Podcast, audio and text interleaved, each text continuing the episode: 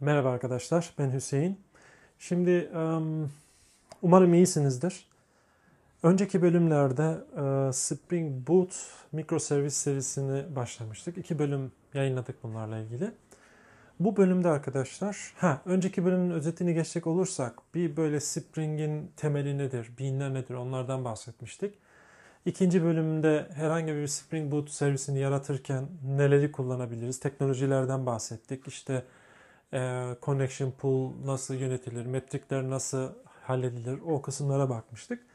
Şimdi de e, birden fazla servis birbirleriyle konuşurken nasıl e, şablonlar kullanılıyor mikroservis mimarisinde e, bu bölümde de onlara bakalım.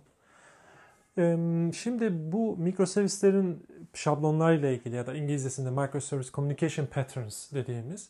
Şimdi buradaki bu paternlerin ama ana amacı e, verinin tutarlılığını sağlamak. Yani mikroserviste önceden monolit uygulamada bir tane uygulama prosesi vardı. Bu prosesin içinde transaction'ları da yönetebiliyordunuz, her şeyi halledebiliyordunuz. Yani datanın e, tutarlılığı tek uygulama içinde yönetilebiliyordu. Siz bunu servislere çıkardığınız zaman arkadaşlar her servis kendi içinde hatta servislerin kendi database'leri oluyor. Database per service dediğimiz böyle bir yapı var mikroserviste. Dolayısıyla e, verinin tutarlılığından hemen hemen bahsedemiyor oluyoruz. Neden? Çünkü önceden product ve kategori bir tane database'de farklı tablolarda duruyordu. Ee, orada biz transaction management'ta bunları halledebiliyorduk. Tek bir database üzerinde. Ama şimdi bunları farklı servislere çıkardığınız için product kısmı bir tarafta, katalog bir tarafta, öteki user bilgisi başka bir tarafta. Dolayısıyla aralarında bir koordinasyon olması gerekiyor bu servislerin. Bunu yapmak için arkadaşlar değişik um, paternler var. Bunlardan en popüler olanlarından Saga pattern dediğimiz. Saga paterni arkadaşlar aslında verinin tutarlılığını sağlamak için ön, ön ortaya atılmış işte ilk şablonlardan bir tanesi. Bu Saga paternini iki formatta görürsünüz. Bir tanesi um, choreography based, um, ötekisi de orchestrator based. Şimdi basit olanından başlayalım. Orchestrator Based Saga nedir? Bu arkadaşlar e, temelde sizin e, bu mikroservis başına bir database koyuyorsunuz ya en alttaki servis biz bunlara genelde foundational service diyoruz. Foundation ne demek? Kaynak demek değil mi? Yani verinin kaynağının olduğu servis. O kaynağa en yakın olan servis. Bir de arkadaşlar bunun gibi birkaç tane foundational servisleri kullanıp tepede e, onları alıp müşteriye gösteren mesela Product Aggregator Service. Bu ne demek? Bu Product Aggregator Service belki de kendi içinde hiç database'i olmayan arka tarafta diğer foundation servislere bağlanan mesela product servisine bağlanıyor.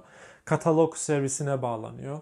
Belki recommendation servisine bağlanıyor. Tamam mı? Siz product detay sayfasını açtığınız zaman bu istek bana 5 numaralı ID'si 5 olan ürünün detayını getir dediğiniz zaman o size 5 numaralı ürünün detayını getirirken kataloğunu, fiyatını, arkadaki diğer foundation'lardan alıp size öyle döndürebiliyor. Şimdi bakıyorsunuz arkadaşlar bu okuma ile alakalı. Bunun yazma kısmı da var tabii. Bir şeyi yaz dediğiniz zaman işte ilk önce gitsin fiyatı güncellesin. Mesela ne yapıyorsunuz? Sepetinize bir şey ekliyorsunuz değil mi? Bunu eklerken ne yapıyor? Kullanıcının belki sepetle ilgili olan servise bir şey gönderiyor. Gidiyor sonra stoktan belki stok servisinden bu stoku düşüyor soft olarak. Yani tam olarak indirmiyor da ama onu kilitliyor en azından değil mi? Yani bunu bile düşündüğünüzde iki tane servise müdahale etmeniz gerekiyor. Burada orchestrator based saga e, dediğimiz zaman bu şu anlama geliyor. Bir servis var elinizde. Aynı az önce bahsettiğim product aggregator servis gibi. Bu servis arkadaşlar kendi içinden e, işlemler yapmaya başlıyor. Adım adım. Diyor ki ilk önce git bir stoktan bunu düş. Değil mi? Önemli olan o. Yani bir üzerinde bir işlem yapacağız. Stoktan hemen bir düş. Ondan sonra e, git e, bu kullanıcıdan sepetine at bunu, bu ürünü. Ondan sonra kullanıcıya mesela cevap dön. Daha o kredilerini falan kontrol edebilir. Başka kontroller de olabilir burada. Ee, bir başarısızlık olduğu zaman ne olacak? O zaman da gidecek e, gidecek stoku tekrar eski haline getirecek değil mi? Çünkü zaten bu kolay sepete eklerken bir hata oldu. Dolayısıyla o stoku orada düşmüş şekilde tutmamak lazım. Tekrardan eski haline e, getirmek lazım. Burada e, başa, yani ne yapıyorsunuz? Bir action var burada değil mi? Ne diyorsun mesela? Sepete ekle. Bu sepete eklenin içinde 3-4 tane adım olabilir. Bunların başarılı olanlarına biz action diyelim. Birinci action'ı yap, ikinci action'ı yap, üçüncü action'ı yap. Yani ne olabilir arkadaşlar? Bir pipeline düşünün. Üç tane action'ı ard arda çalıştırmaya yarayan bir pipeline gibi düşünün. Bu action'ların arkadaşlar her birinin birer tane compensating action'ı oluyor. Yani ne demek bu? İkinci adımı yaptın. İkinci adım başarılı olursa üçe geçiyor ya. İkinci adım başarısız olursa ne olacak? İkinci adım başarısız olduğu zaman yapılan işlemede biz compensating action diyoruz. Yani ne olabilir bu? Siz kullanıcı sepete eklerken bir serviste hata aldınız. Dolayısıyla bunun compensation'ı ne olabilir? Stoku bir indirmiştin ya o stoku tekrardan e, bir arttır gibi bunu diyebilirsin. Şimdi gördüğünüz gibi burada e, Orchestrator Based Saga'da bir tane servis var yönetici. Bu yönetici arkadaşlar arkada birden fazla Foundation servisi yönetebiliyor. Yani kendi içinde bir e, iş mantığı var. Bu şu anlama gelmiyor arkadaşlar. Bir servis var. Bütün mikroservislerin işlerini hallediyor. Böyle düşünmeyin. Bunu gruplanmış şekilde düşünebilirsiniz. Hani e, şey paterni var ya backend for frontend. E, frontend'de bir sayfa açtığınız zaman o sayfaların ihtiyacı olduğu şekilde veri dönüyorsunuz ya. Mesela bunun gibi düşünebilirsiniz. Ben Product Orchestrator Service diyorum, Product Aggregator Service diyorum ama düşünün ki arkada Product Aggregator ile ilgileniyor, belki stockla ilgileniyor gibi. Ama farklı şeyler de yapabilirsiniz. Mesela payment'ı da bir aggregator olabilir.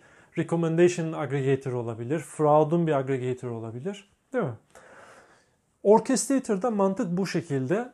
Ee, peki bu ne oluyor burada? Bir tane servisin diğer bir sürü servise bağımlılığı oluyor değil mi? Ama servis şey üzerinden ilerlediği için ee, siz söyleyin burada network üzerinde ilerlediği için ve servisler hani mikroservisin mantığı e, oradan kaynaklanıyor ya. Mikroservisin mantığında karşıdaki servisin ne ile yazıldığının hiçbir önemi yok. Sadece bir protokol tanımlıyorsun. İşte HTTP ile haberleşelim, gRPC ile haberleşelim. Bunun üzerinden haberleşebiliyorsunuz. Ama yine de burada bir şey var arkadaşlar. Şunun gibi. Karşıda muhatap olacağınız servis var ya mesela stoktan düşürmek için bağlandığınız servis. O servis arkadaşlar eğer ayakta değilse buradaki orchestrator service tam olarak bir single point of failure'a düşebilir. Ya da diğer servise bağımlılığınız olduğu için o çöktüğünde ne olacak mesela? Senin buradaki davranışın ne olacak? Bunu halletmek için de arkadaşlar hani bağlanamadığın HTTP 500 mi atacaksın mesela? Böyle bir şey olabilir mi? Ya da belki de retry pattern'ları falan kullanacaksın değil mi? O zaman da fail safe kütüphaneleri devreye giriyor. Yani diyorsun ki bir sorguyu at, yapamazsa bir daha dene belki. Üçüncüyü dene, dördüncü de artık deneme. Burada da işte şeyler devreye giriyor. Circuit breaker'lar devreye giriyor. Ee, bu circuit breaker dediğimiz arkadaşlar yani şey düşünün. Product aggregator servisi ile product foundation servisi arasında bir bağlantı var. Bir hat var. Birinci sorguya attın hata aldı. İkinci attın hata aldı. O zaman diyorsun ki ya burada bir problem olabilir. O zaman ben e, devreyi açayım diyorsun. Devreyi açmak demek şey demek yani orada bir anahtar düşünün. Anahtarı açıyorsunuz. Yani iki hat arasında bir kopukluk oluşuyor. Dolayısıyla e, burada diyorsunuz ki ha, bir süre buna sorgu atmayayım çünkü bu beni engelliyor diyebiliyorsunuz. O zaman da fallback gerekiyor size. Yani fallback ile ne yapacaksın? Bu servis. Bu arada servisin e, ille kapalı olmasına gerek yok. Başka nedenlerden dolayı da o aradaki anahtarı açmak isteyebilirsiniz circuit breaker'da. E, tabii bu circuit breaker sadece açma kapama e, önemli değil. E, sadece önemli olan bu değil pardon.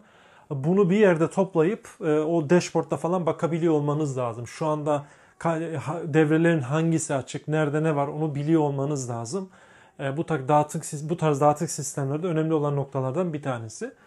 E, Circuit Breaker'ı Spring Boot dünyasında Hystrix falan adıyla duyabilirsiniz. Netflix'in yazdığı Circuit Breaker Hystrix diye aratırsanız direkt olarak bulabilirsiniz.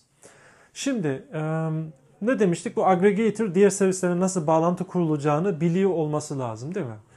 Peki diğerine yani Saga paterninin diğer e, olan versiyonu ne? Ya demişler ki ya burada bağlantı kuruyoruz, bekliyoruz, belki circuit breaker apply ediyoruz ama başka bir yöntemi var mı acaba? Burada da choreography based Saga diye bir şey var. Şimdi tamamen mikroservisleri bu tarafı unutun. Koreografi dediğinizde ne oluyor? Bir grup var. içinde birçok bileşen var. insanlar, dansçılar neyse. Bunlar her biri kendi görevi olan, kendi görev alanında bir şeyler yapıyor. Ama tepeden baktığınız zaman hepsinin birlikte yaptığı şeyleri topladığınızda çok anlamlı bir şey ortaya çıkıyor. Değil mi? Hareketler, figür yani bir tanesi mesela tek başına bir şey yapsa anlam ifade etmeyebilir ama hepsini bir anda baktığınızda işte Meksika dalgasına benziyor diyebiliyorsunuz. Hani bir koreografi base dediğimiz o koreografi yapıyorlar.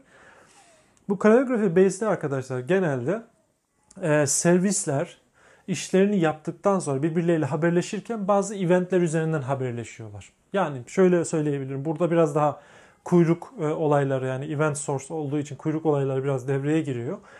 Ben mesela bir şey yaratacağım. Ne yaratacağım? Ee, yine sepete ekleme örneği olsun. Sepete ekledikten sonra at the basket servisinde bir şey eklediğiniz zaman eğer onun eventini fırlatırsa onunla ilgilenen diğer arkadaşlar değil mi? Diğer arkadaşlar o eventi alıp kendi tarafında bir şey yapabilirler. Mesela sepete eklendi dediği zaman diğer tarafta belki de notification servisi burayı consume ediyor. Kullanıcıya belki mail atıyor.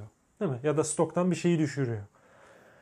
Peki bu haberleşme nasıl oluyor? Haberleşme arkadaşlar birçok yönde olabiliyor. Bir pub-sub mekanizması dediğimiz yani en popüler olanları mesela Kafka'yı kullandığınızda herhangi bir event olduğu zaman siz onu topiye yazıyorsunuz.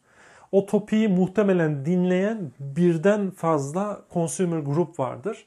Ee, onlar dinleyip kendi üzerlerinde bazı işlemler yapıyorlar. Tamam Diğer tarafta da e, hani bu bir yere yazayım sonra ilgili elemanlar onu okusun. Bunun nasıl bir artısı var arkadaşlar?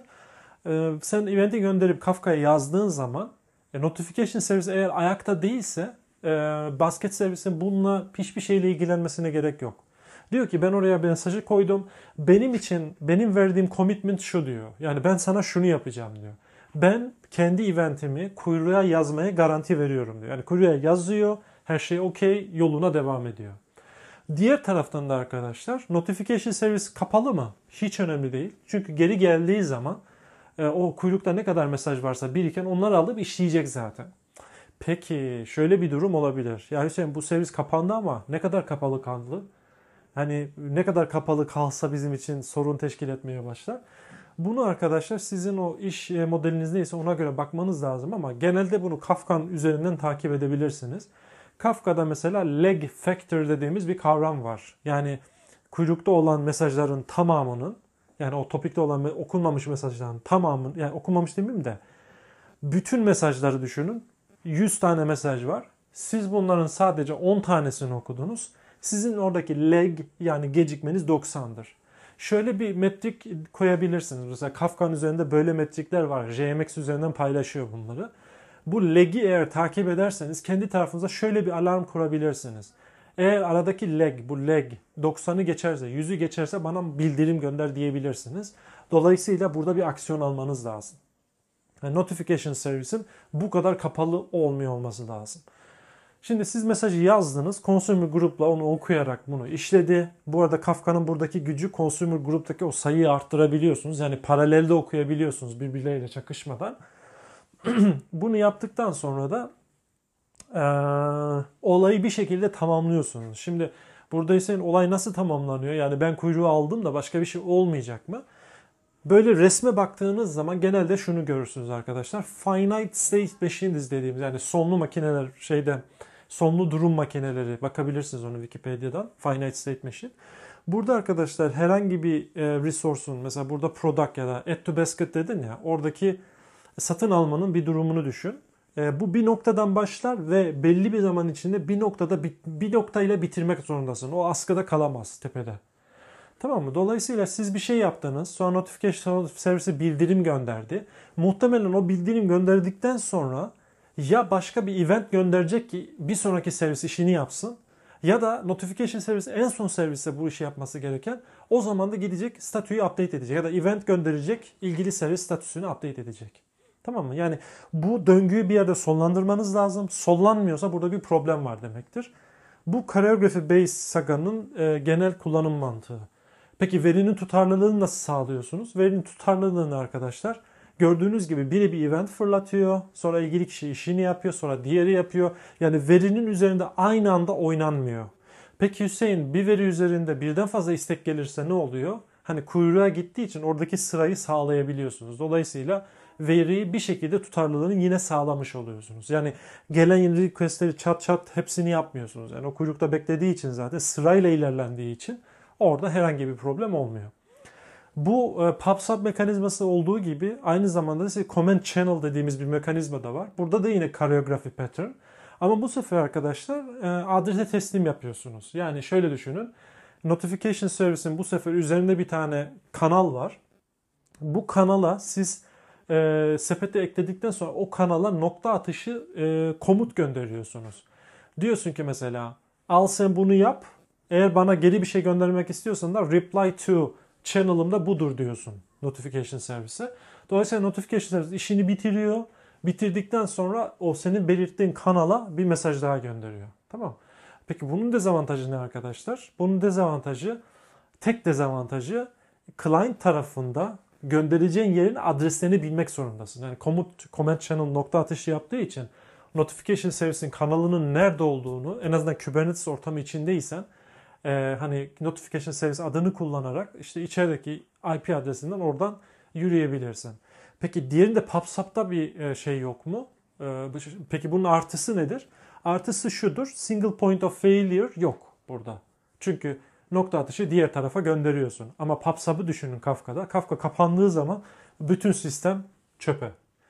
Çünkü mesaj atıyorsun ama mesaj gitmiyor, diğerleri hiçbir şey okumuyor. Yani elinde 100 tane servis var. Biri bir şey yapıyor, gönderiyor, ortada Kafka yok. Dolayısıyla Kafka'yı çok iyi bir şekilde kurmuş olmanız lazım. Yönetimini çok güzel bir şekilde yapıyor olmanız lazım.